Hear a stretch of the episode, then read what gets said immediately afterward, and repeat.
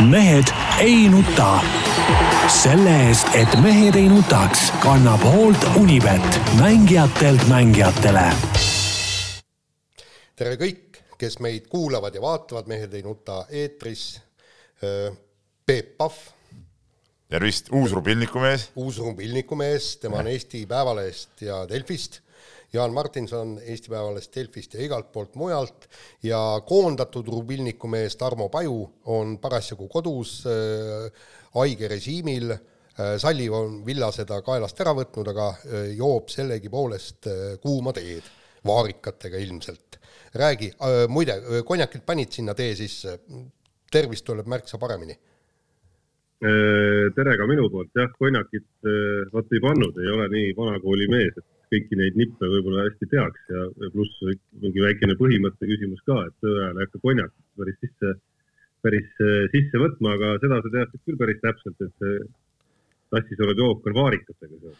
no jaa, aga see näitabki ära, et sa, et sa ei jaga asja, tähendab, et sa ei ole konjakit sisse pannud, sellest ka sinu mingi tatitõbi ja, ja ma ei tea, mis muud, muud hädad ja viletsused, ütleme, kui meie Jaaniga, ütleme, ilma konjakita teed üldse ei joo, tähendab, see oleks nagu, see on ju lihtsalt nagu tulise vee sisse ahmimine niisama, siis, siis meil vaata ka midagi häda ei ole, tead noh, siin ongi see vahe. ja aga ega midagi ei olegi teha, et ega noh, te oletegi nii kõvad mehed, noh midagi, kõik, kõik midagi ei olegi öelda midagi. no lõpus tuli ära see, see ütleme, see tõe, tõe kuulutus ka Tarmo Paju euronoore suust, et noh, et pidi tõdema. olete, olete. jah. ja, ja, ja ikka. nii, on teil midagi veel öelda? Ei, ei no, ei, no. miks me, me, meie ei pea ennast kiitma. me läheme nüüd edasi, eks ole, jah, me, me, meie jaoks on kõik klaar nagu selle teemaga. on veel äh, midagi südamel, keegi tahab midagi? mis oli siis põnevat eelmine nädal või? jaa, ega ei olnud. aga ei olnudki nagu midagi. ei, ma ikka ei taha, mul on südamel. kus on siis vanemate kolleegide hoolitsev konjak ukse taga, mesi, Jaan, kes käib metsas, korv jõhvikatega, kõik, kõik, kõik need, kõik need jutud Äh, jõhvikad on kõik olemas, ilusasti talveks ära pandud. minu, minu. no põhimõtteliselt sa ise käisid ka metsas, nagu sa meile pildi saatsid, äh, tõid seeni, miks sa jõhvikaid ei toonud? ja sinu palga juures, minu meelest äh, sinu palga juures peakski sul kast konjakit seal nurgas olema ja kusjuures väga head konjakit, Larsenit või Hennessy'd või, või, või veel, veel midagi paremat. ja sul on ju no,, sa oled vaata noor abielumees veel, et sul on ju naine kodus, kes teeb kõik need asjad ära, tead noh nendest Jaan on ikka oluliselt parem. on ki kindlasti, aga, aga, aga noh, ütleme, ma ei joo konjakit, ega ma sellel teemal väga, väga pädev ei ole. nii. kuule, tehakse siis Jaan juba ainult viskit. just. no ja, iga õhtu. no ja siis noh, ütleme nagu seaprae alla ikkagi on ka valget vaja, et see või nagu David Vseviov ütles, borši alla tuleb igal juhul võtta pits nii, aga lähme nüüd teemade juurde. Lähme teemade juurde, räägime jalgpallist ja räägime esmalt Eesti koondisest. Armeeniaga mängiti, saadi äh, null kaks tappa, taaskord väravat ei löödud enam, juba läheb sassi, mitu mängu järjest me pole väravaid löönud, seal vist mingi seitse mängu, kümme mängu järjest võitu pole tulnud ja ja, ja mis on, mis on ääretult kurb, on see, et, et Õhtuleht tegi äh, ühe kokkuvõtte, et, et kes on Eesti koondisest veelgi kehvemini äh, mänginud maailmas sel aastal ja siis äh, selgub, et äh, ikka niisugused riigid nagu Bhutan, Guam, Aruba, Sri Lanka, Briti Neitsi saared, San Marino ja, ja aga FIFA edetabeli viimane Anguilla, ma vaatasin, see on mingi kuusteist tuhat elanikku, nemad pole ka ühtegi võitu saanud, aga nad on poole rohkem väravaid löönud kui Eesti nüüd viimastes mängudes lõid, ehk siis nemad on kaks väravat löönud. kelle nad lõid need siis? no vahet ei ole ah., kellele. nii, aga tähendab tont sellega, et, et meie omad äh, niimoodi tappa saavad, aga see, mis praegu on jalgpalli ümber äh, toimuv, see on äh, minu meelest ääretult huvitav, et et kõik, kõik ajakirjanikud, kõik eksperdid, kõik proovivad leida punkt üks põhjust, miks meie jalgpall on sedavõrd põhja läinud viimaste aastatega ja teine, teine, et lahendust sellele. ja noh kes pakub seal peatreeneri vahetust, kes pakub mängijate kohe, kohan, noh, tähendab, üks mängija sisse, teine välja, kuidagi seal platsil kuidagi neid liigutada, aga minu meelest noh, seal on ikkagi, juured on ikkagi ääretult sügavamal. no jaa, aga minu arust ega olukord ei ole muutunud võrreldes selle aastataguse ajaga, kui, kui Eesti sai noh, tiba, nüüd on juba rohkem kui aasta möödas sellest, kui sai selle Saksamaa käest hävitava kaotuse, kui oli peatreeneri vahetus ja kui kui äh, Aivar Pohlak andis igal pool aru, miks asjad on nii, et, et ega selle aastaga ju midagi väga palju muutuda ei saa, et, et kui meil see mängijate kontingent ongi selline, nagu ta on praegu, siis, äh, siis ega ütleme, aasta on väga lühike aeg, et, et kasvaks peale mingisugused uued, uued mängijad, et praegu nüüd on nagu noori koondisse toodud, aga, aga eks see, eks see nende, nende, ma ütlen, karastumine ja, ja mehistumine võtab, võtab aega, et selles suhtes ma nagu nagu mingit uut aplaava, uue aplaava sellist ülestõmbamist siin, siin ei näe, et, et minu arust ainuke probleem võib-olla selles, et võib-olla mingid osad jalgpalliinimesed äh, olidki liialt sinisilmsed ja, ja arvasid, et oh nüüd, mismoodi ka peatreener ütles ju, et kahest mängust neli punkti tahtis saada vist või? jah, nelja punkti tahtis. et noh, see, see on ju olukorra mittereaalne hindamine ilmselgelt ja, ja ja, ja, ja nii ongi, et aga, aga ega seal võib olla ka ükspuha mis, mis imetreener, et kui, kui mängijad on sellised, nagu nad on parajasti, siis eh, ega see koondise peatreener ei saa kedagi eriti märgatavalt paremini mängima panna, noh, selles ongi kogu see probleem. Noh.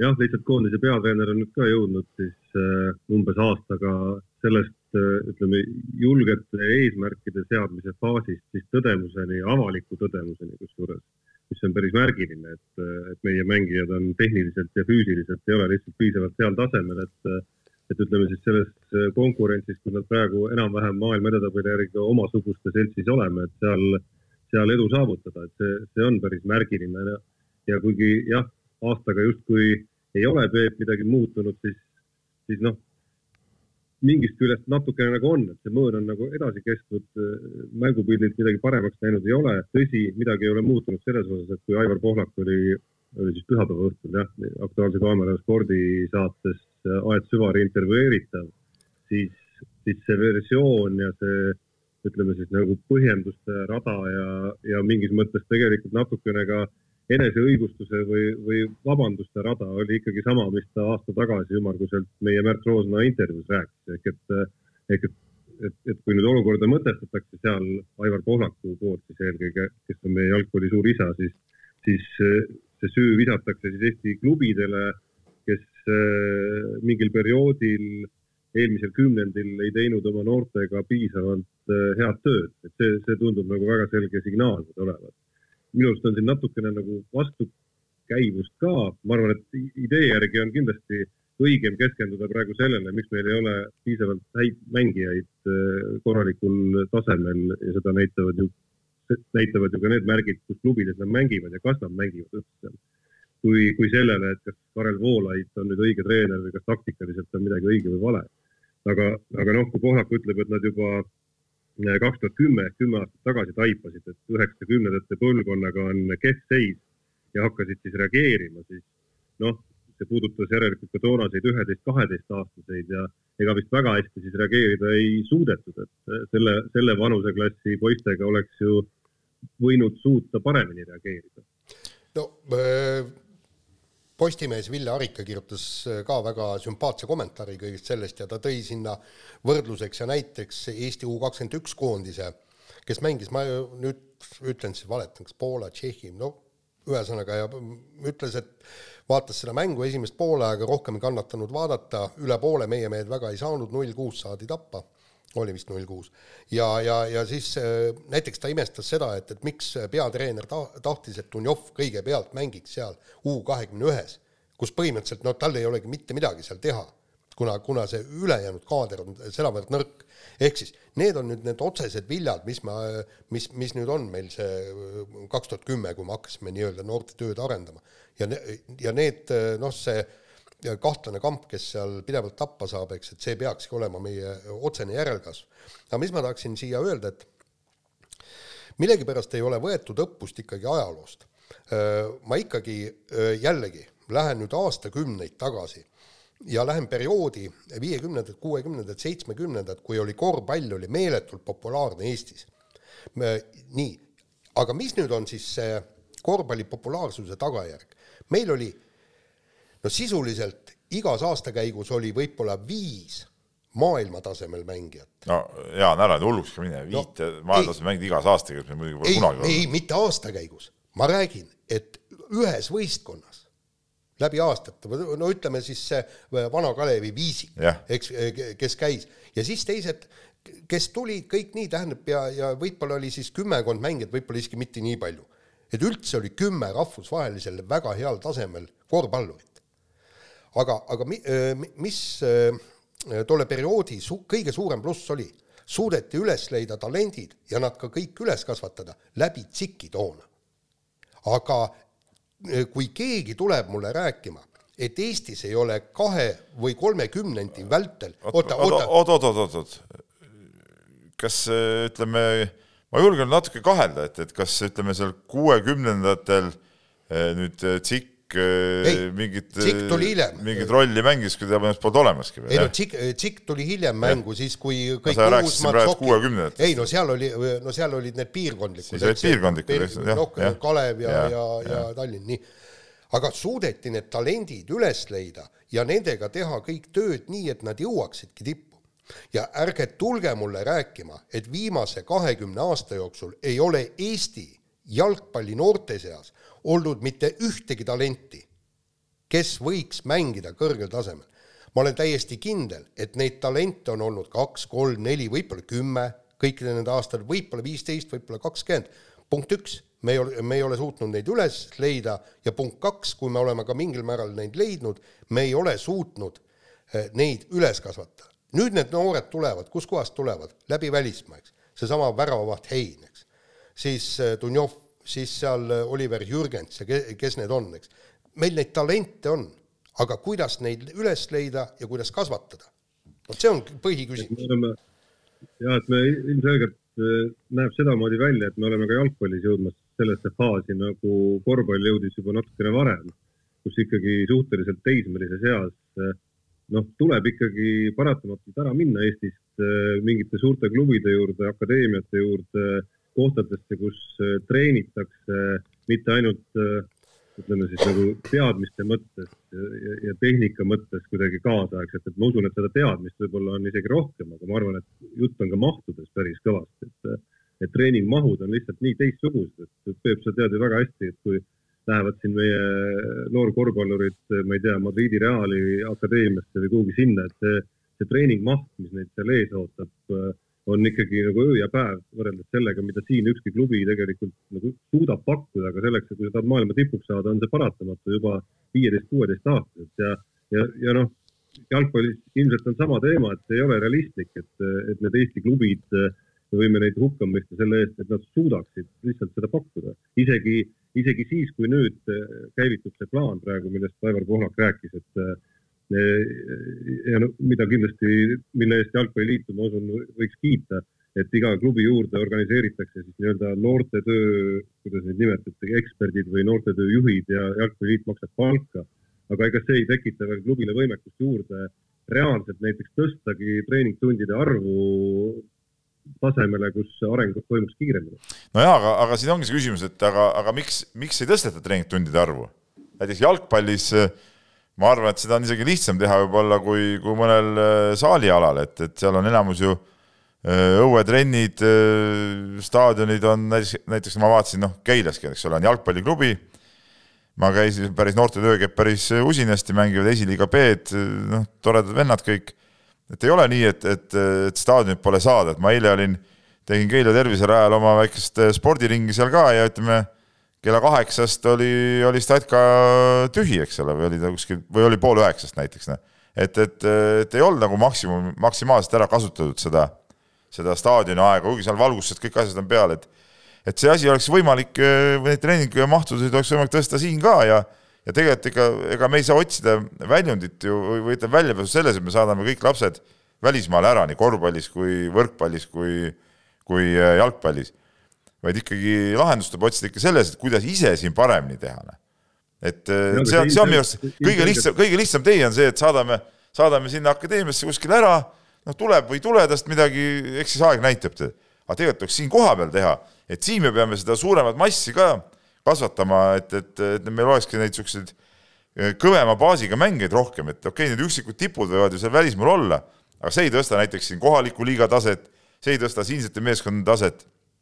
Et, et selleks, et meil oleks kõva koondis, peab ikka siin nagu oma liiga olema ka kõva ja, ja, ja mingid vennad peavad siit ka tulema. Noh. jaa, aga Peep, vaata siin on, tekibki just see, see talendi probleem, eks, kui meil on tõesti need üksikud talendid, kes võiksid olla maailma tasemel Äh, nad mängivad siin Eestis, nad äh, ja on olnud, üks on Jürgens, teine oli, ma ei tea, ma ei tea, kes kes see seal on, nad oma noortemeeskondades äh, taovad vastaste väravapalle täis. no aga nad ei aga... peaks mängima seal oma noortemeeskondades, vaid nad peaksid mängima juba aste kõrgemal, kaks astet kõrgemal. no ja... see on nagu see lahendus, aga trenni peavad tegema ikkagi nagu, nagu saab siin ka kõvasti teha ja mängima siis äh, aste kaks kõrgemal seal kasvõi meeste vahel ja nii ongi. et neil ei ole, neid mitte mingisugust mõtet ei ole neid hoida seal, ütleme, ma ei tea, kui see mingi neljateistaastane või noh, ütleme kuueteistaastane üliandekas poiss mingis öö, oma selles vanuseklassi klubi võistkonnas. Mitte mingit mõtet ei ole seal hoida, vaid tema peaks mängima juba öö, meeste vahel ja, ja saama seal seda, seal ta ei ole niisugune staar, et ta taob öö, Äh, puuripalle täis. selles on asja point. jaa, aga sealsamas see esiliiga, ega need, need teevad veel vähem trenni kui seal mis, no ta trenni saab ju teha oma selles pundis, mis on Jaan jamad nüüd tead, ja, ja, ja siis äh, mängib, mänguväljundit saab kuskil seal meeste vahel, lisaks sellele, et ta seal oma noortega mängib ja, ja nii, niimoodi peaks asi käima. jah, ja aga teine võimalus on muidugi tõesti ja teine asi on see, et, et need, need igast, ütleme, kus on need suuremad klubid ja nii-öelda keskused, võtame needsamad need, Nõmme kaljud ja noh, nendel ju oma need noortesatsid ju mängivad ka ju meestevahelisi liigasid, ei ole nii, et et seal mingid seitsmeteistaastased mängivad ainult noortesarja, noh. et äh, kõik äh, need noortesatsid ju mängivad mingeid madalamaid liigasid meeste vahel ja seal ei tohiks neil ju nii, nii kerge olla see asi. Et noh, küsimus on ikka selles, et kuidas siin need, need kohapealsed klubid äh, panna nagu tööle ja panna pingutama ja noh, üks asi on küll see jah, et mingid noortetööjuhid, aga, aga aga, aga teine asi on ka see, et need klubid ise peavad tahtma seda teha, noh ei, absoluutselt. ise pead tahtma seda teha. ja et kolmas asi, et nende nii-öelda väiksemate, ütleme siis Keila, Keila moodi klubide ja, ja suuremate vahel, et oleks kuskile siis edasi minna ja neid koormusi tõsta, peab, peavad olema ka korralikud sidemed. ma kahjuks ei ole piisavalt pädev, et öelda, kas need on olemas või ei ole, et kas, kas on üldse kuskile minna, et üks variant on välismaa ja teine variant on siis meie mingid esiklubid, aga kui seda probleemi ei lahendata, see, see vanuses, ütleme, enne kui, kui sa jõuad kuueteist, seitsmeteist, kaheksateist aastaseks, ju, kui seda osa ei lahendata, et siis ei ole tegelikult ju kasu ka nendest KTM-i reeglitest ja, ja meeste klubidel kohustustest seal mingit arvu Eesti poisse omada ja väljakule saata, sest äh, sellest on kasu ikkagi siis, kui need poisid, kes reaalselt kannatavad seda taset juba välja ja reaalselt kannatavad ka nagu korralikke meeste tasemel treeningmahve välja, et need, neid, neid peab ikkagi piisaval arvul ka olemas olema aga üks asi on muidugi see, mida me oleme siin varem ka rääkinud, eh, mis on Eesti treenerite tihtipeale häda, ongi see, et ei juleta võib-olla neid treeningkoormusi ajada nii suureks, kui, kui ütleme välismaal. See puudutab palju ka neid jõutreeninguid, ma olen vist siin, ma olen siin saates ka korduvalt rääkinud sellest, kuidas kui sa lähed Kossuski, ütleme seal viie, kuueteist, seitsmeteistaastaste meestega lähed mängima, ütleme näiteks siis soomlased, leedukad, lätlased, kõik nad on nagu no venelastest rääkimata, kõik nad on nagu, nagu tõelised mehed ja siis need Eesti poisid on nagu, on nagu mingid lapsed nende kõrval. et kuidagi Eestis on ikka see, et kõik see jõutrenn ka, et noh, teeme siin natuke mingi oma kehaga ja nii ja naa, et üle ei maksa pingutada ja aga, aga, aga mujal, mujal maailmas ikkagi pantakse seda, seda jõutrenni ja, ja füüsist ja seda kõike, kõike palju, palju võimsamalt juba, juba noorest peale, pluss siis üldse kõik need treeningtunnid ja asjad, et, et, et, et nii, nii paraku on tegelikult tegelikult on ju rusikareegel on ju see, et rusikareegel on ju see, et ütleme, noore noh, näiteks korvpalluri treeni, nädala treeningtundide arv äh, peab olema vähemalt tema see noh, vanuse, noh, ütleme see vanusenumber, eks ole, et noh. et aga, aga kui me hakkame vaatama, siis ega tihtipeale, ma arvan, ka jalgpallis sama asi, et tehakse ikkagi niimoodi, ma ei tea, neli-viis trenni nädalas ja, ja kuidagi need tunnid sedasi täis ei tule, et niimoodi muidugi mingit, mingit arengut ei tule, et klubid peavadki mõtlema sellele, et kuidas ikkagi pakkuda rohkem treeningu, treeningute võimalusi oma, oma nendele noortele ja, ja, ja see, see on see võti, kus, kus need mängijad välja kasvavad ja, ja, ja kusjuures veel kord toon, jalgpall oli väga halb näide selles, mis ma nüüd praegu räägin, eks, et, et kui see oli üks Viljandi kehalise õpetaja, kelle poeg käib jalgpallitrennis, ta oli kolm-neli korda nädalas käis ja no see ei olegi mingi trenn kolm-neli korda nädalas, see on ju nali. oot-oot-oot, Peep, eks ju, kolm-neli korda, tähendab, inimene käis jalgpallitrennis ja selgus, et ta ei saanud nende trennide pluss kehalise öö, tundidega, ei saanud ühte tundi keskmisel või kõrgel koormusel liikumist päevas, ehk siis ta läks jalgpallitrenni, trenn kestis poolteist tundi, aga ta liikus öö, piisava koormusega, seal võib-olla ainult pool tundi või nelikümmend minutit. no see on ka ju absurdne, eks ju. sa ei saa isegi tundi no ei no jaa, no see on, see on nüüd ka niimoodi, ega siis poolteist tundi järjest nüüd kõrge intensiivsusega ei saa liikuda ka trennis, see on ka väga ebareaalne. ei, see on kas keskmises või kõrge intensiivsusega, siis tulebki teha, kas enne trenni tuleb need jooksud ära teha, pluss siis pärast. ja, ja see on igal juhul lahendus, tähendab, alati on võimalik leida lahendusi, kui sul tõesti ei ole saali, no eks, eks ma siin isegi olen pidanud siin vahest nagu mingite ajaakendesse ära mahutama trenne, siis ongi nii, et hakkavad pool tundi varem kuskil koridoris juba tegema neid jooksuasju ja treppide peal hüppeid ja ja värke ja siis, kui saali jääb kõmm, siis saali ja siis teeme seal neid pallide asju, sama asi on ka jalgpallis, no sul on võimalik ju teha, saada need mehed metsa jooksma ennem, eks ole, tehke oma need muud vigurid seal ära ja siis, eh, kui on nii-öelda palliplatsi aeg, siis seal tegeleda ka pallidega, tead näe. muidugi saab seda kõike teha, tead näe, ja peabki tegema kõike niimoodi. samas tundub siin selles kirjelduses, mis Jaan rääkis, natuke nagu nokk kinni, saba lahti olukorda ka, et ma olen kuulnud ka jalgpallitreenerite suust seda, et kui nad nüüd äh, oluliselt tõstaksid neid nii ühe meistriliiga klubi treeneri kui ka noortetreeneri suust, et äh, tõstaksid neid mahte, et siis jookseks põhimõtteliselt sats nagu laiali. et äh, see jalgpall on muutunud hästi laiapõhjaliseks Eestis, harrastajaid on palju no,, lapsi kõige rohkem harrastab just seda ala, aga väga suur osa teeb seda siiski lihtsalt nii-öelda nagu mitte mingite sportlike eesmärkide tõttu, vaid, vaid lihtsalt, et mingi liikumine olemas oleks ja sellepärast ma ei näegi kuidagi nagu väga head alternatiivi jalgpallis vähemalt sellele mõeldes, milline konkurents on maailmas sellel alal ja, ja mis vanusest see juba pihta hakkab äh, nõudmiste osas. Et, et need paremad peavad ikkagi teisme eas ära minema. teine võimalus, nagu Marko Kristal äh, rääkis mul intervjuus aasta tagasi umbes, et tuleb siis koondada kokku ühte meeskonda need, kes tahavad profina tulevikus läbi lüüa ja kes on valmis neid koormusi kaks-kolm korda tõstma. ja, ja teised nii-öelda tervisesportlased, las nemad tegutsevad omavahel, omaette. ja see on paratamatu, loomulikult mingi, mingi kontingent on igal juhul neid noori, kes ei tahagi iga päev mingi metsikuid trenne teha, aga siis pead ka klubi sees pead tegema oma nii-öelda Eh, eliitgrupi ja siis on, on see siis nii-öelda pearahagrupp, eks ole, või, või niisugune tavaline grupp, noh. et see on, see on nagu paratamatu ja ja, ja ikkagi, kes tahab, siis see, seal eliitgrupis on, on valmis ka pingutama ja, ja, ja rassima, noh. aga mis veel jalgpalli puudutab, ma lõpetuseks ütlen, et, et, et noh, nüüd on nagu mingi õudne nagu šokk on kõigile, et nüüd kõik on nagu nässus ja nii edasi.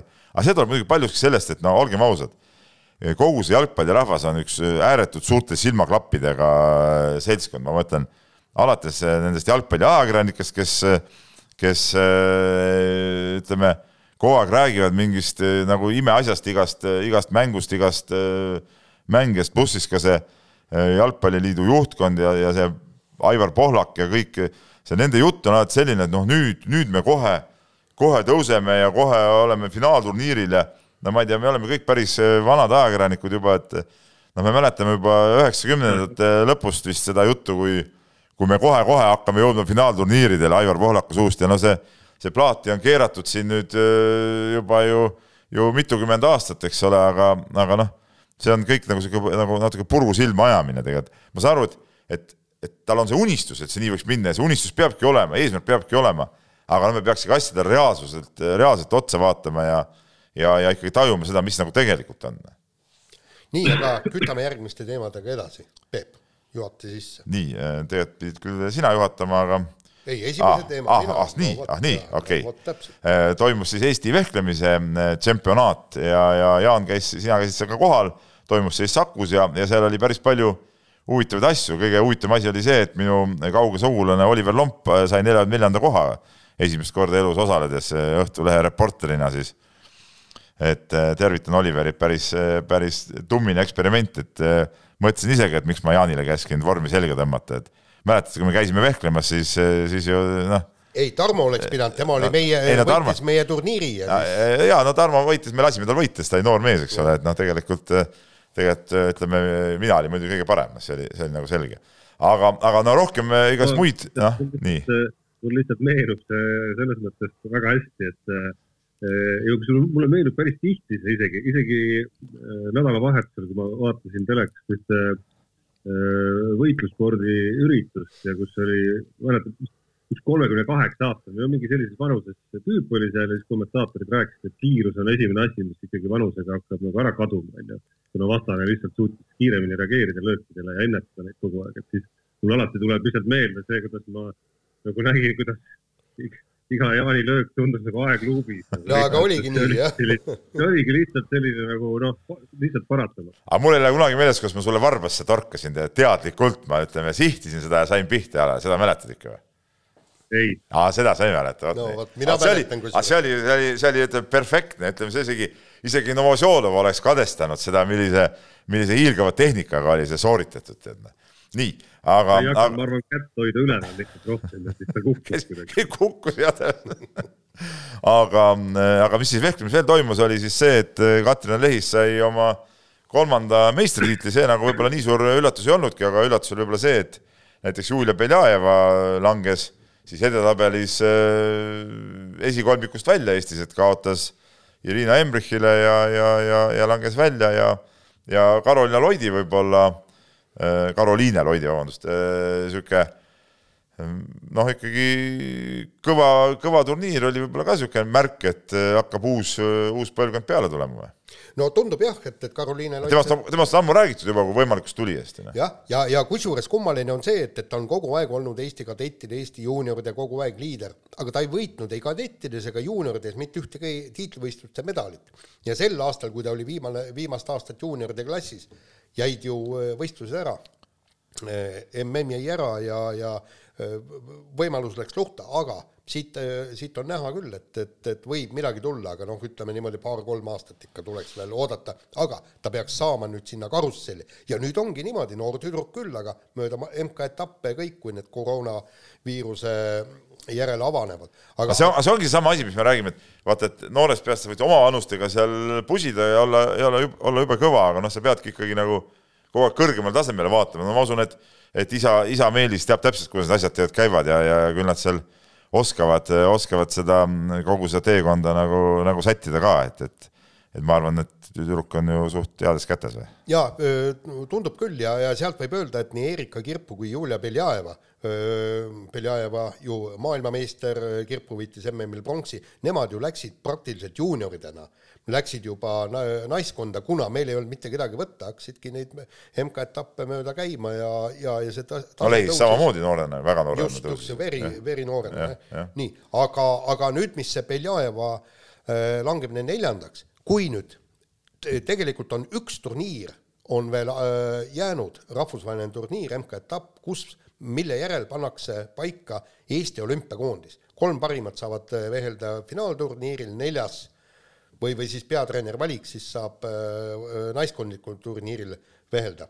kui seda turniiri ei toimu, ongi edetabel lukus. juhul, kui olümpiamängud toimuvad ja kui Eesti naiskond sinna pääseb. et selles mõttes oli ääretult valus kaotus.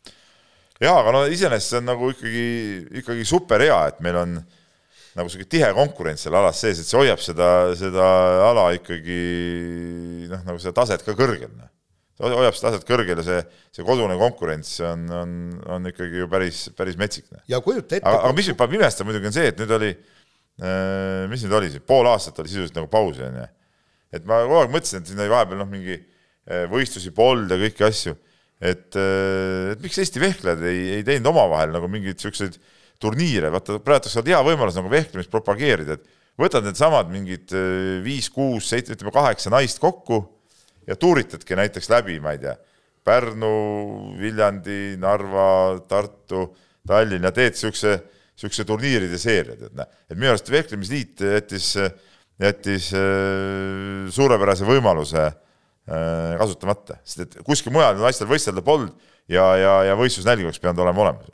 no täpselt, aga noh. see vist oli minu arust ka mõte, mis sai juba siin kevadel nii-öelda kui maailm natuke avanema hakkas, ka saates õhku visatud, aga, aga päris jätku sellele ei tulnud, aga mis veel seda olümpiaränkingut ja kõike seda puudutab, siis, siis see kuidagi hiilib aina vaikselt ju lähemale ja mitte ainult vehklemises, vaid teistel aladel ka, et kuidagi on kogu aeg olnud selline tunne, et mis me sellest olümpiast räägime, et noh, nagunii seda ei toimugi ilmselt, aga kui vaadata nüüd natukene rahvusvahelisi uudiseid ja, ja seda, mida seal äh, korraldajad ja, ja Jaapani riik, äh, ütleme, mis sõnumeid välja annab, siis hetketunne on ju selline, et nui neljaks ikkagi äh, üritatakse, üritatakse teha nii, et see ei jääks ära.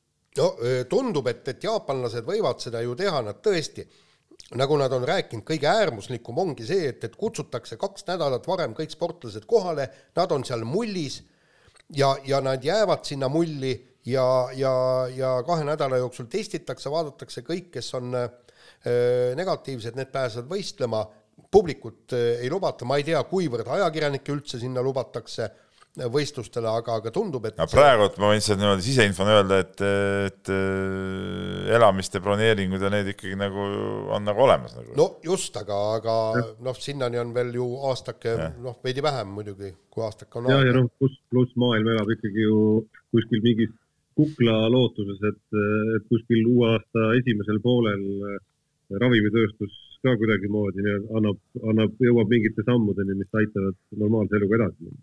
Nii, aga võtame, meil on aeg jälle, äh, ajab meid takka, võtame järgmise teema ja räägime äh, korvpallist. Äh, Kristjan Kitsing lahkus Kalev Cramost ja läks Lietuvas Ritasesse mängima, noh, minu jaoks oli see natuke üllatus, võib-olla teie kui korvpallispetsid, nii-öelda korvpallispetsid, oskate seda võib-olla paremini hinnata ja selgitada, sest minu meelest Ritas on ikkagi piisavalt tugev, tugev võistkond ja, ja et, et võtta nüüd Kitsing sinna nii-öelda endale appi, et minu meelest on väga sümpaatne käik. no sa vaata, kes on äh, Ritas peatreener. mis see peatreener? ei no peatreener ikkagi ju, ju moodustab endale meeskonna. jaa, aga ta nõrka meest ei võta sinna. ei, nõrka meest ta muidugi no, ei võta. et küsimus on selles, et ega Leedus kindlasti eestlastesse suhtutakse ju niisuguse teatud eelarvamusega, et, et mingid erised mängumehed ju leedukate kõrval pole, aga aga, aga ilmselt siis Kairis suutis ikkagi nagu läbi suruda oma soovi lõpuks jõuga, et ta tahab võtta, võtta kitsingut ja, ja, ja tegelikult no kitsingu jaoks on, see on tõesti nagu niisugune, ma arvan, nagu viimane aeg päris tõsiselt väljaminekut proovida, et ta on tegelikult käinud ju korra see Argentiina suts ja, ja, ja kuskil ta käis veel, ma praegu, saad aru, ma Taani jah, no, no see ei ole väga tõsiseltvõetav, eks ole. aga, aga ütleme, niisugust tõsist kohta jah praegu oli nagu viimane aeg. ja tegelikult ta on ju Kalevis viimased hooajad näidanud, et tal niisuguses teatud rollis on ta ju, ju väga hea olnud, et et jah, küsimus ongi rohkem, noh, tema puhul on kõige suurem küsimus see, et kuidas ta sellel tipptasemel päris seal niisuguse korvialuses kaitsemängus hakkama saab, eks ole, et see on tema võib-olla nõrgim külg ja tema relv on siis hoopis see, mitte korvialune mäng, vaid et ta eemalt virutab neid kolmesid ära ja, ja tõmbab sellega võib-olla seda mängu rohkem laiali, et, et väga huvitav vaadata, ma loodan küll, et tal läheb seal hästi ja Lietuvas Ritas ikkagi on, on nagu niisugune legendaarne klubi, et, et mul on, mul on alati hea meel, kui minnakse niisugusesse äh, nagu, nagu ilmselgelt kõvasse klubisse või, või mingi ajalooga klubisse, selle asemel, et minna kuhugi mõne, mõne suvalisse esiliigasse või, või mõne meistriliiga tundmatusse viimasesse meeskonda no pluss on kahtlemata see, et, et ta lähebki mehe juurde ja ta kutsub mees, kes tunneb teda väga hästi ja teab nagu noh, ideaalselt, mida ta tegelikult ostis. seda ütles ka Kristjan Kitsing ise vist äh, eile ühes intervjuus, mis ta kohalikele andis, et selles mõttes ei saa nagu mingeid üllatusi tulla, et meil on väga halbu näiteid läbi aegade ju hetkedest, kus ma ei tea, treeneri sõnaõigus võib-olla polegi väga olnud oluline mingi mehe palkamise juures või vahetud treener ja sellest hakkavad tavaliselt igasugused hädad juhtuma hakkavad mänguajad kaduma ja nii edasi ja nii edasi, et äh, minu arust Kristjan Kitsing sellega, mida ta on näidanud VTB liigas ja Eesti koondises viimastel aastatel, ilmselgelt on tõestanud, et selles rollis, milleks ta sinna võeti, mis ma kahtlustan, ei ole kindlasti äh, mängida seal rünnaku esimest, teist või kolmandat äh, meest Vilniuse Lietuvas Ritases. et sellesse rolli kindlasti sellel tasemel, mis Ritas on praegu Leedu liigas ja, ja meistrite liigas, peaks äh, küünduma, mina küll ei kahtle selles. et mul on nagu Kitsingu üle tohutult hea meel tegelikult, et, äh, et ta nagu läbi sellise jada natukene teistmoodi teed pidi, kusjuures kui siin need, kes on läinud äh, varakult ära, on ikkagi nagu visalt teinud oma asja, võtnud mingeid väljakutseid vastu, olnud küll Tartus, siis Kalev Cramos ja, ja, ja on näidanud, et ka seda teed pidi saab tegelikult äh, kuskile maale jõuda ja, ja see ei pea juhtuma kohe võib-olla kahekümne kahe aastaselt. et selle üle on minu, minu jaoks see heameel kaalub tegelikult üles selle miinuspoole nüüd, mis puudutab siis ilmselgelt Kalev Cramot ja nende olukorda, mis puudutab pikkasid eeloleval hooajal. ja, ja enne kui Kalev Cramo juurde tulla, siis, siis selle rõõmu nagu laiendus on ju see, et ma arvan, et kui nüüd jätta välja Martin Müürsepp Moskva CSKA-s ja NBA-s või, või äh, Tiit Sokk Panathinaikoses koos Aivar Kuusmaga, et, et sellised tipud nagu välja jätta, siis sellist, äh, sellisel tasemel koosseisu välisklubides mängivatest Eesti korvpalluritest ei ole meil vist äh, mitte kunagi olnudki. et me räägime siin ju Kitsing, Leedu tippklubi Jõesaar, Vene, Raieste, Hispaania meistriliiga klubid, kus Kullamäe, kes on meistriliiga klubiga lepingu all, aga mängib veel esiliigas, siis on eh, Treier ja Trell, kes on Itaalia meistriliiga klubides, Kotsar, kes on Saksa meistriliiga klubis ja noh, Kriisa, kes on veel tippülikoolis USA-s, et, eh, et noh, väiksematest ma ei hakka veel rääkimagi, et see, see, sellist listi ei ole meil olnud ajaloos kordagi vastu panna, see ei maksa otseselt midagi, lõpuks maksab see, millistes rollides nad on, kuidas neil seal edasi läheb aga see on rõõmustavalt märgiline või märgiliselt rõõmustav. ja no tead, sa võtsid ühe, ühed sõnad mu suust ära, et, et ma tahtsin just öelda seda, et et Kitsing on ehe näide sellest, et Jaan siin alati räägib, et umbes kümneaastaselt pead olema juba äh, tippmängija, kui tahad kuhugi jõuda, et päris, päris nii need asjad ei ole, et, et tegelikult ikkagi on võimalik ka see hilisem küpsemine ja, ja Kitsing on selle, selle ehe näide. Äh, mis aga puudutab nüüd jah, sa korra mainisid siin Kalev Cramot ka, siis Kalev Cramo seisu nüüd muutis muidugi mm, kõvasti hapumaks, sest et eh, noh, nende legionäridega on nagu on alati, et no ehe näide on ju ka see äh, pikk, kes, kes siin tuli ja seikles siin edasi-tagasi ja, ja lõpuks jõudis kohale ja siis esimeses äh, füskatrennis suutis ennast kohe vigastada, et äh, noh, niisuguseid pooltontlikke kujusid võib ikka väga-väga kergelt tegelikult siia sattuda ja, ja kunagi täpselt ei tea, kuidas nad siia sobivad ja ja, ja, ja kuidas nad mängima hakkavad ja, ja kui see ei sobi, saad ära tuua uue, kas see uus on parem üldse või ei ole või, või mis neist saab, et et Kitsing oleks olnud nagu Kalevis ka kindel mees, oli teada, mida ta teeb ja, ja kuidas ta teeb, et noh, nüüd, nüüd on ikka päris, päris keerulised, keerulised küsimused nagu Kalevi juhtkonna ees ja ja no üks, üks küsimärk seisab muidugi äh, Kristjan Kanguri kohal ka ju tegelikult, et nüüd, kui Kitsingut pole ka, noh siis äh, tegelikult oleks ju vaja mingit Eesti meest ka sinna, eks ole, ja, ja sellisel juhul see mm, kanguriga kokkuleppele jõudmine oleks väga oluline, sest et noh, teadupärast VTV-s on ka see Eesti meeste reeglid ja igast asjad, mis on, mis mängivad, mängivad suurt rolli, et sa ei saa iga lahkunud eestlase asemel võtta ju, ju välismaalast.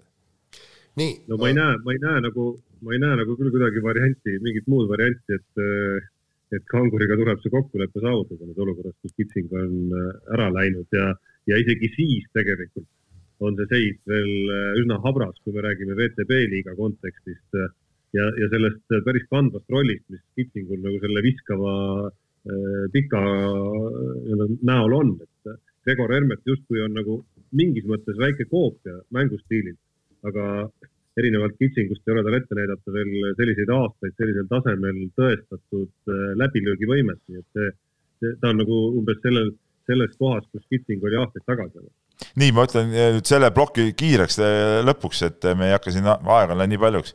Eh, kiire küsimus, kes võidab Türgi ralli? no tahaks öelda, et Ott Tänak muidugi, aga, aga see on põhimõtteline küsimus, kui, kui nüüd Hyundai suudab oma paremuse maksma panna ja Toyota on nii kehv, nagu nad on viimased aastad olnud seal Türgi rallil, siis, siis ma väga loodan, et pärast seda äh, siis Sardiinia rallil algab nagu tšempionat uuesti ja nullist pihta. no, no tšempionat selles suhtes, et siin pole midagi nagu alata enam uuesti, et tšempionat ongi uuesti alanud ja, ja ega punktivahed ei ole ju väga suured tegelikult no,, et, et selles suhtes, selles suhtes on, on kõik võimalused on siin mitmel mehel veel, veel käes, et aga, aga jah, huvitav on see, et et kui nüüd Hyundai suutis üllatada Rally Estonial, eks ole, mitte endale siiamaani sobinud rallil, et, et kas Toyota suudab samamoodi teha siis nagu kontrakäigu, mitte neile sobinud siiamaani rallil nagu, nagu üllatada. ja, ja kusjuures nad ähvardasid, et nad on väga head Türgis. noh, ähvardus on, on ja näitab võib-olla enda nõrkuste peitmist, nii. sai nupuvajutusega ilusti hakkama. jah, ja kusjuures Äh, ei läinud sassi, nagu läinud mõned sassi, mehed jah. siin tavaliselt lähevad et ja, et selles suhtes äh, tundub, et ma olengi nagu selle Rubinniku mehena nagu ikkagi nagu tunduvalt äh, osavam ja, ja kindlam kui, kui senine Rubinniku mees ehk Tarmo.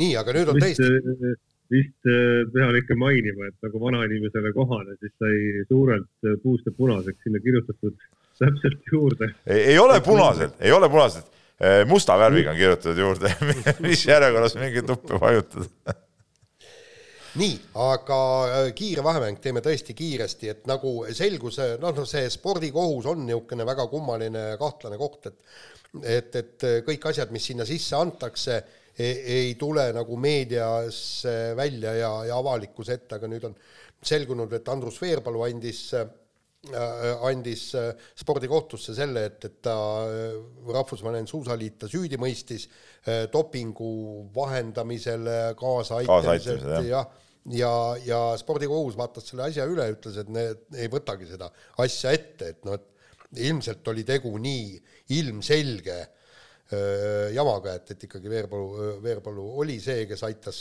dopingut tarvitada ja nüüd siis on öö, isa-poega lähevad siis öö, Austria kohtusse, kuigi kas nad sinna kohale jõuavad, ei tea, aga no äh, ikkagi vist, vist ikka jõuavad, et noh, ega, ega see kohtust eemale hoidmine nüüd nii, nii lihtne kokkuvõttes ikkagi ei ole. noh. jah, ja no ütleme niimoodi, et, et ähm, kogu see protsess on mingil määral äh, üsnagi hea minu meelest, ses suhtes, et paneb, paneb võib-olla meie nooremad sportlased mõtlema, et kas on äh, mõtet jamada kõige sellega, kui vaadata, milline tsirkus äh, selle ümber käib, kuidas, kuidas meedia ja üldsus sellesse suhtub ja, ja lõpuks sa pead minema kohtu ette ja seisma seal kohtuniku ees ja kuulama karistust öö, värisedes, et äkki nad ikkagi mõistavad mind vanglasse, kuigi öeldi, et noh, et il, ilmselt pääseb rahaga trahviga. aga tegelikult ju, ju täna just, kui me seda saadet siin teeme, algab ju Saksamaal kohtuprotsess äh, doktor Schmidi üle vist, et, et Just. see on nagu, nagu annab, annab, võib anda ka meie meeste loole palju niisugust äh,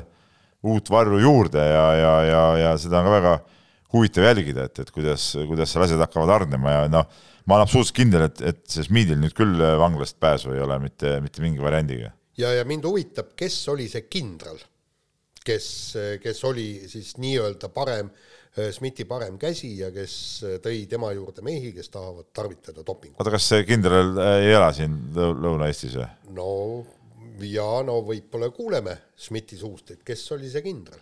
jah, ei seda on tõesti huvitav kuulda, kuigi meil nagu, mul nagu tundub, et ma oleks nagu näinud kindrali pagunitega meest nagu, nagu liikumas seal Tartu ja, ja, ja Otepää kandis ja seal niimoodi. et, et noh, nii on. tagant, tagantjärele kogu selle loo kõige huvitavam paradoks seisnebki selles võib-olla ju, et, et me ühest küljest äh, oleme läbi aegade utsitanud, et ka Eesti võimud peaksid äh, noh, ütleme kuidagi resoluutsemalt ja võitluslikumalt äh, liistule võtma. seadusi oleks vaja muuta, uurimisi oleks vaja läbi viia ja, ja lõpuks võib tunduda, et üks inimene, kes, kes siis nagu võeti sihikule Eestis ehk siis Mati Alaver on, on see, kes mingis mõttes pääseb nagu kõige lihtsamini kogu sellest seltskonnast, kes kogu looga seotud on. et äh, kokkuleppemenetlus, materjalid äh, hetkeseisuga salastatud ja kogu lugu. nii, aga äh, lähme edasi ja, ja Margus Hunt siis äh, see on üks väga segane lugu muidugi, kõik see, mis Margus Hundi ümber toimub ja isegi ma olen aru saanud, et isegi Jaan, kes ennast on nimetanud kogu aeg NFL-i või Ameerika jalgpalli suureks spetsialistiks, ei saa tegelikult aru, mis seal siis tegelikult toimub. Aga nii-öelda siis treeninggrupist, eks see on siis see nii-öelda see nagu, nagu me rääkisime ennem poiste juures ka, et on siis need, kes tahavad teha tipptasemel ja siis on see nii-öelda pearahagrupp ja siis, ja siis Margus Hunt oli nii-öelda treeninggrupis, eks seal pearahagrupis vahepeal. Ja sealt tõsteti põhimeeskonda ja siis äh, suutis äh, teha blokeeringu ehk siis löögiblokeeringu ja vastastel jäi kindlalt kolm punkti saamata ja ja nüüd ongi see küsimus, et kas ta nüüd pääsebki siis päriselt põhikoosseisu või, või ei pääse või või, või Jaan, seleta natuke inimkeeli kogu see asi lahti meile. ei ole võime, võimeline seletama, kuna need reeglid on niivõrd suured just iga päev tulevad mingid uued reeglid, millest Jaan ka esimest korda kuuleb ja siis ta nagu püüab seda asja nagu pilti kokku panna. nii, ja põhimõtteliselt treeninggrupist võib igale mängule öö, tuua kaks mängijat, aga seda ainult kahele kohtumisele terve hooaja jooksul, kaasa arvatud play-off'id nii et nüüd on siis äh, New Orleans Saintsil äh, jääb üle, kas nüüd ükskord sa saad hunti sealt treeninggrupist kasutada, aga sa saad ta päriseks tuua selle viiekümne kolme hulka ehk põhimees. ja tõsta sealt kedagi treeninggruppi või? just täpselt yeah.. nii, aga, aga mis oli muidugi ääretult huviline, mille tõid ära noh, kõik suuremad väljaanded Ameerikas oli see, see oli väga tähtis võit äh, Saintsile. kaks meest toodi treeninggrupist ja nad, nagu nad ütlesid, need kaks meest lõpuks vormistasid selle võidu, üks oli Hunt, kes blokeeris selle, äh, selle löögi ära ja teine oli siis teine treeninggrupi mees, kes suutis maha pudenenud palli, äh, palli endale saada ja, ja sellega noh, teha nii-öelda vahelt lõige.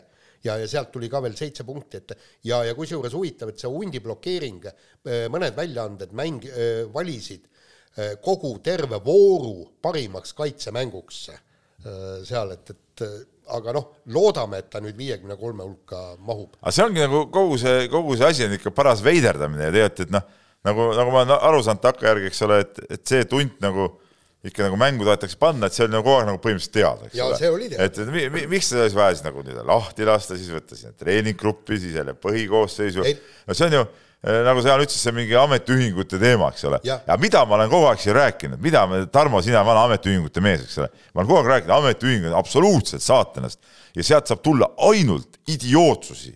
ja, ja see on ehe näide jälle ja järjekordne idiootsus, mis on täna ametiühingutele tulnud.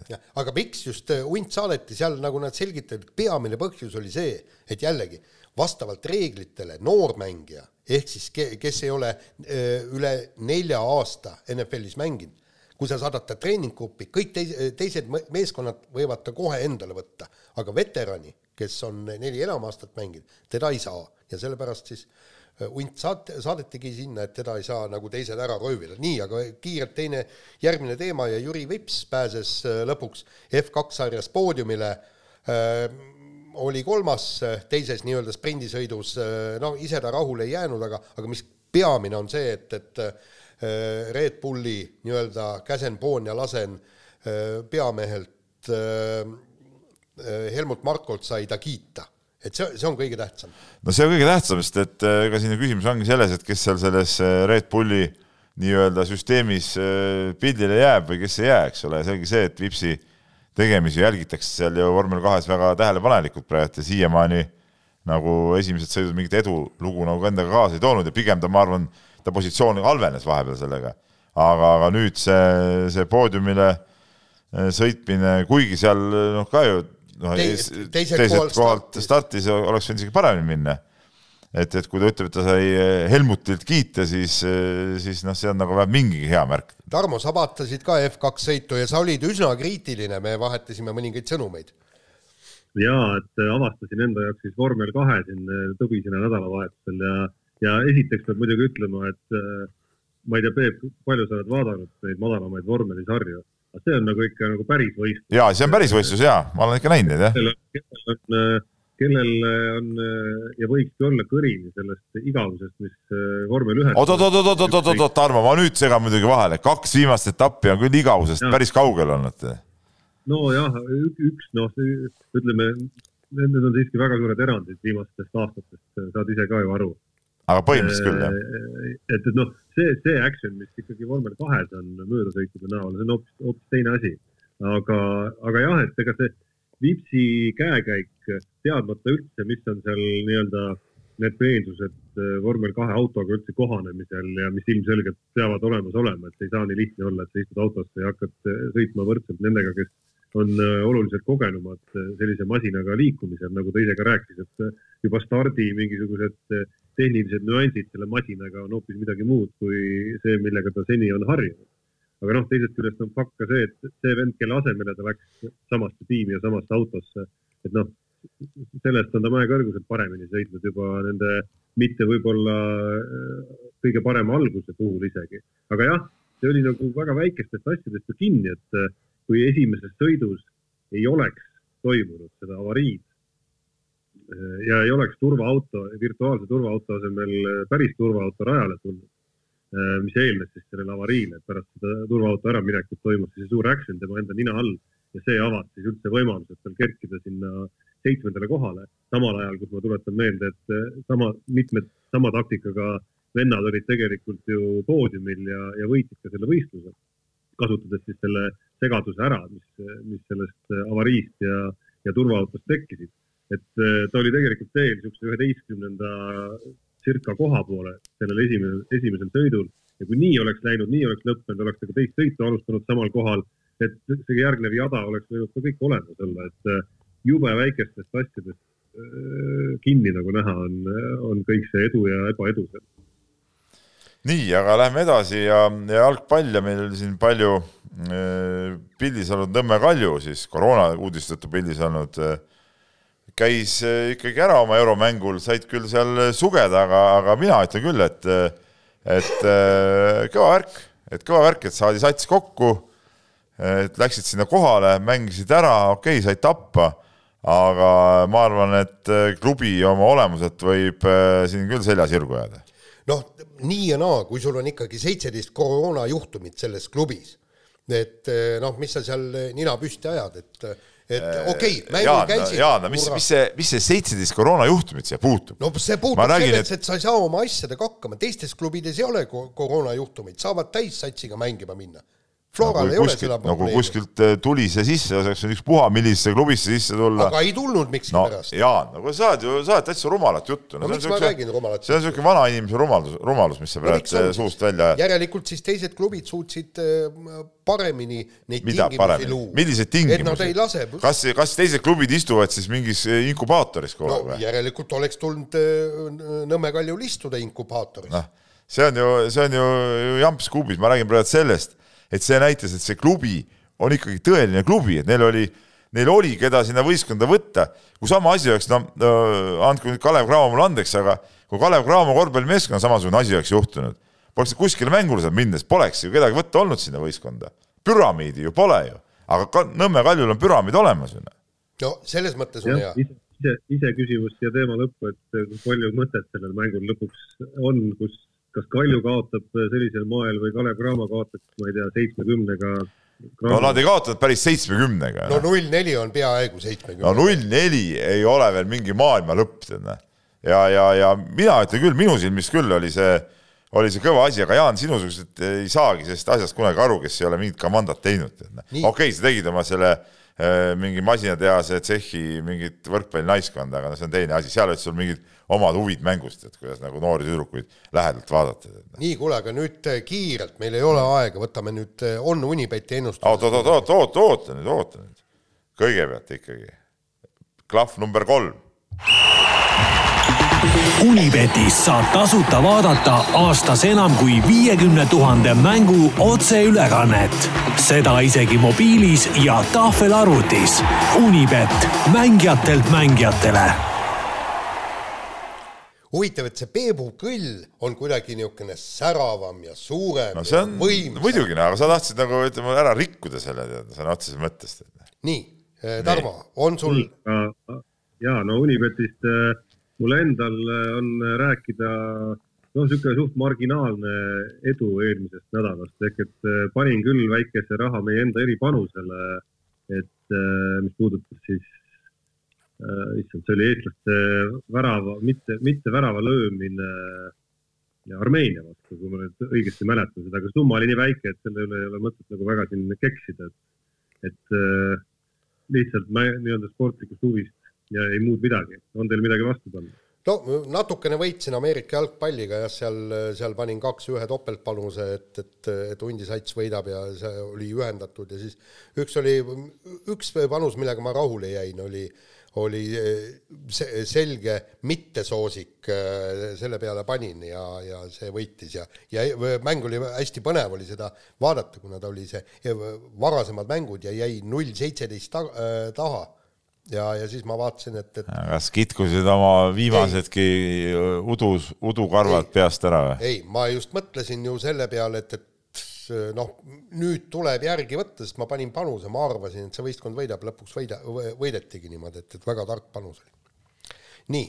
no mina, mina võin öelda, et mina nagu ütleme, ma nagu otsin uut seda niisugust äh, hetke, kui nüüd panna jälle niisugune suur sammakas ära, et vaata, teie, te olete nii palju maas must, et te peate nagu siin iga nädal üritama midagi teha, aga et mina pean nagu targalt mängima ja, ja mu edu on nii suur, et ma saan saan siin rahulikult toimetada. No Peep on vähemalt aru saanud sellest, et, et ja, ja, ja ma tunnustan Peepu selle eest, et, et ta vähemalt ühe asja on selgeks saanud, et, et, et nii-öelda tasub lõpetada tipus antud valdkonnas, sest, sest pime kana ei pruugi rohkem tera leida. ei, ma ei ole kindlasti, ma pole lõpetanud, kindlasti ma pole lõpetanud. nii, kas lähme kirjade juurde või on eri panus? Unibeti ja edasiseid panuseid, siis äh, kiirelt äh, ka sellest, ehk siis täna Anett Kontaveit jätkab äh, oma tegemisi. otseülekanne Delfi TV-s. kuidas? otseülekanne Delfi TV-s, ma tegin reklaami. ja, just, just nimelt Karolin Garcia on siis ta vastaseks ja Kontaveidi võidukoefitsient üks koma kakskümmend kolm kõigest ja Garcia on siis neli koma kolm mehed ei nuta eripanusena on Kontaveidi peale võimalik ühe koma kolmega no ühe koma kolmega, kuule kallid Unibeti inimesed, kes te kuulate, ärge tehke siukest naljapanust, mis mõte on panna ühe koma kolmega, noh, ei ole mõtet. sa võid, alati minna Garcia peale nelja koma kolmega panna. no ei, asi on selles, et no mida me reklaamime välja, et tehke ühe koma kolmele panus, noh alla kahe poole ei ole üldse mõtet mingeid panuseid panna, sa ei võida mitte midagi. Peep, pane oma kolmsada eurot ära ja üheksakümmend tuleb sisse. no üheksakümmend, pole mõtet ju noh. pane nii palju sisse, üheksakümmend noh. ma ütlen sulle, Peep, veel korra, mine pane siis Garcia peale, neli koma kolm. kuule, mul on, mul on paremad panused, ma ei pea mingi Garciaga mässama. sa, Jaan, kibeled ühe kirjaga, aga nüüd ei. küsimus ongi sulle kohe, küsimus ongi sulle kohe. Maarja kirjutab meile. ja tere, Jaan, eks ole. nii täna amatöör oma videoblogis ütles, et tahab Jaaniga intervjuu teha. kas Jaan nõustub? Äh, kes tahab? amatöör. no ikka saab. Jaan muidugi ei saa aru, kes amatöör on, ma arvan, sa, Tarmo, said aru, kes on amatöör? ei. mis te olete, mis te olete nagu mingis teises maailmas elate või?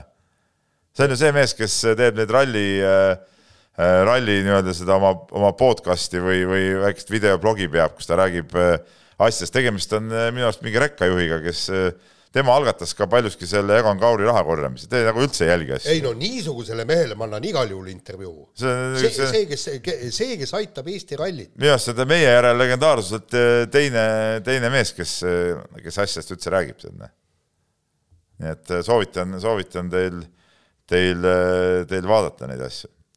nii ralli teemal, muuseas mul endale ka tulnud küsimus siin Lembitu käest ja Lembitu küsib, et kas Peep Pahv on ikka veel seisukohal, et Lõuna-Eesti ralli on olulisem kui Rally Estonia no,? peab vastama, nii no,. Äh, tähendab, see on nüüd nii ja naa, et muidugi ta on olulisem mõnes mõttes, ta on ikka Eesti ralli on olulisem jah, ta on olulisem sellele, et Eesti ralli kandepind säiliks, aga Rally Estonia oli ka oluline, sellepärast et tekiks Eesti sõitjatel võimalus maailmas silma paista, et, et aga, aga kui me räägime üldiselt nagu laiemalt ikkagi, siis äh, minu mõte oli see, et kui kaalukausil on Eesti meistrivõistlused kui sellised, üldse nende toimumine, või üks MM-ralli meil, et kumba, et kumba peaks eelistama, siis ma eelistaksin Eesti meistrivõistlusi. sellepärast, et, et kui seda ei ole, siis ei ole Eesti, Eesti äh, autorallit üldse, nii ma vaatan kella, ahah, meil on kaks minutit veel, kaks minutit veel aega ja ma võtan siit ühe Äh, tegelikult äh, jalgpalliteemalise kirja, mille Marko on kirjutanud meile mitu. ma ei saa Peep ah?, ma ei saa Peep suskamata jätta, et see on siiski veider ja omapärane vaade, aga lähme edasi. Äh, mis on omapärane vaade? ärme lähe. ei, ei, ei oota, okei okay., ei räägime siis selle, nii me oleme selle teema juba vaielnud mõned saated tagasi korra selgeks ja ilma, et meie seisukohad läheneksid, aga just see, et äh, kui sa peaks eelistama ühte neist rallidest, siis äh, sa eelistaksid kodus. mitte ühte neist rallidest, ma, sa ei, jälle ei kuulanud, ma saan aru, et see nohu on sinuga kõrvakuulmise natuke, ütleme ära, ära tummistanud, et sa või, või arusaamise asjadest, ma ütlesin, kaalukausil on see Eesti autoralli meistrivõistluste toimumine, sest et ilma Lõuna-Eesti rallita sisuliselt meil poleks ralli meistrivõistlust saanud teha, meil pole etappegi siis, eks ole. või üks MM-ralli, siis ma eelistan, kuule, eelistan Eesti rallit, Eesti meistrivõistlusi, sest et kui seda ei ole, siis meil ei ole kuskilt ka kasvamas peale uusi sõitjaid, kes saaksid MM-il osaleda. kas on arusaadav nüüd? just, ma kuulsin väga hästi, seda ma ütlesingi, et see on veider vaadata. aga mis, mis on siis veider, noh? kuule, kuule, võta nüüd järgmine Nii. kiri pärast. okei okay., äh, ja Marko on siin kirjutanud, et ähm, Äh, jalgpallist siis, et sellest, kuidas Poolak oli ETV stuudios ja lahkas Eesti jalgpalli seisu, et, et äh, ja, ja, ja küsimus see, et, et kas keegi kontrollib ka seda, mida selle, mida raha eest tehakse, mis jalgpalli siis pannakse ja noortetööle antakse et mis haridusega meie noortetreenerid võib olla see oluline, tundub, et Pohlaku jalkaliidu funktsioon ongi ainult UEFA-st tulevat raha edasi jagada ilma kontrollimata no, no, no see on ju selge, see on ju selge, et, et meie treeneritel on ääret- äh,, märgitavalt kehvem tase näiteks kui Islandi treeneritel, meie noorte treeneritel. ja seda ma olen palju rääkinud, Eesti parimad treenerid peavad töötama noortega. aga sellega on meie saade läbi ja kuulake meid nädala pärast. järgmisel nädalal siis tuleb meil kirjade eri, lubame välja. tuleb. mehed ei nuta saate tõi sinuni Unibet, mängijatelt mängijatele